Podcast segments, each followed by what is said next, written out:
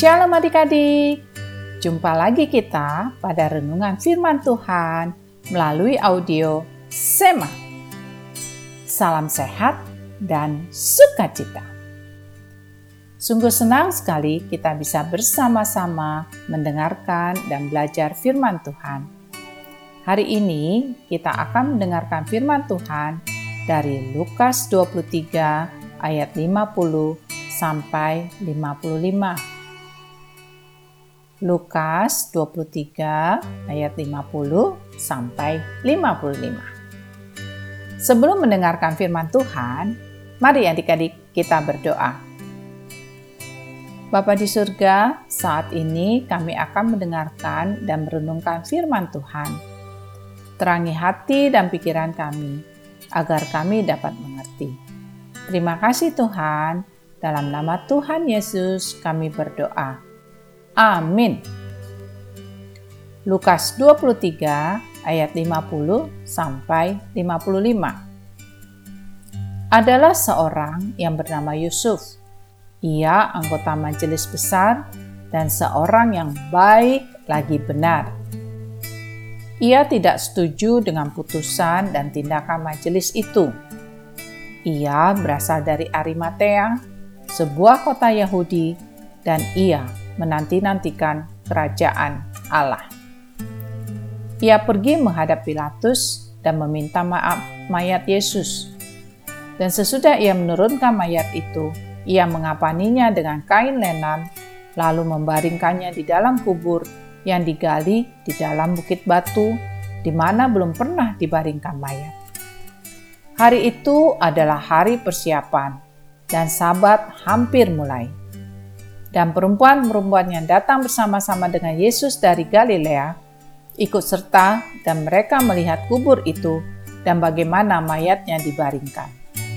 Demikianlah firman Tuhan.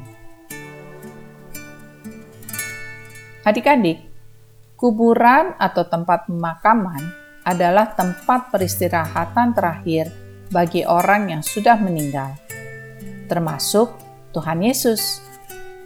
Alkitab mencatat bahwa Tuhan Yesus dikuburkan di pemakaman pribadi milik seorang pengikutnya yang kaya raya, yaitu Yusuf dari Arimatea.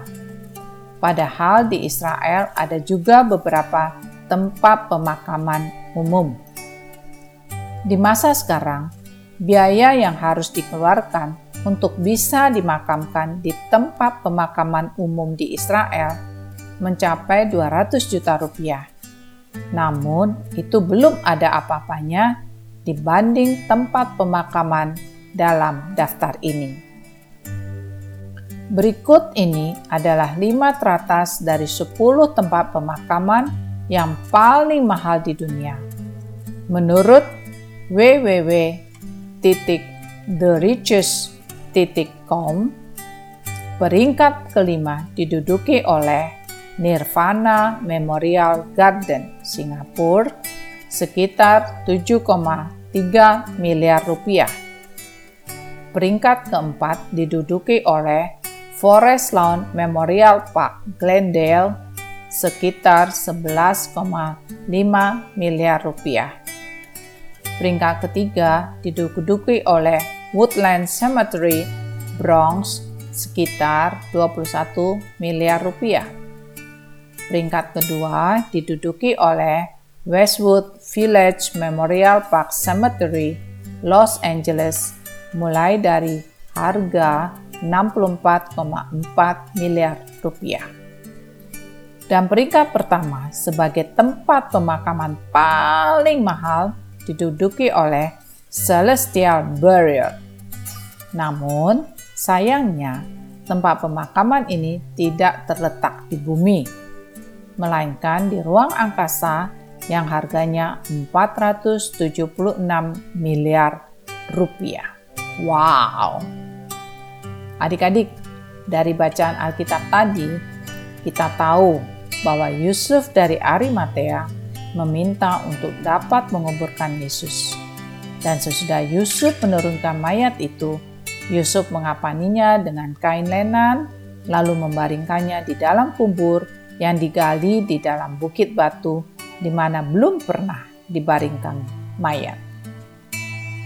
Adik-adik, meskipun Tuhan Yesus tidak dikuburkan di tempat yang mahal, tapi pengorbanan Tuhan Yesus sangat mahal. Tiada taranya. Tuhan Yesus mau mati di kayu salib untuk kita manusia berdosa. Kita sudah ditebus dengan darah Yesus yang kudus, sehingga kita selamat.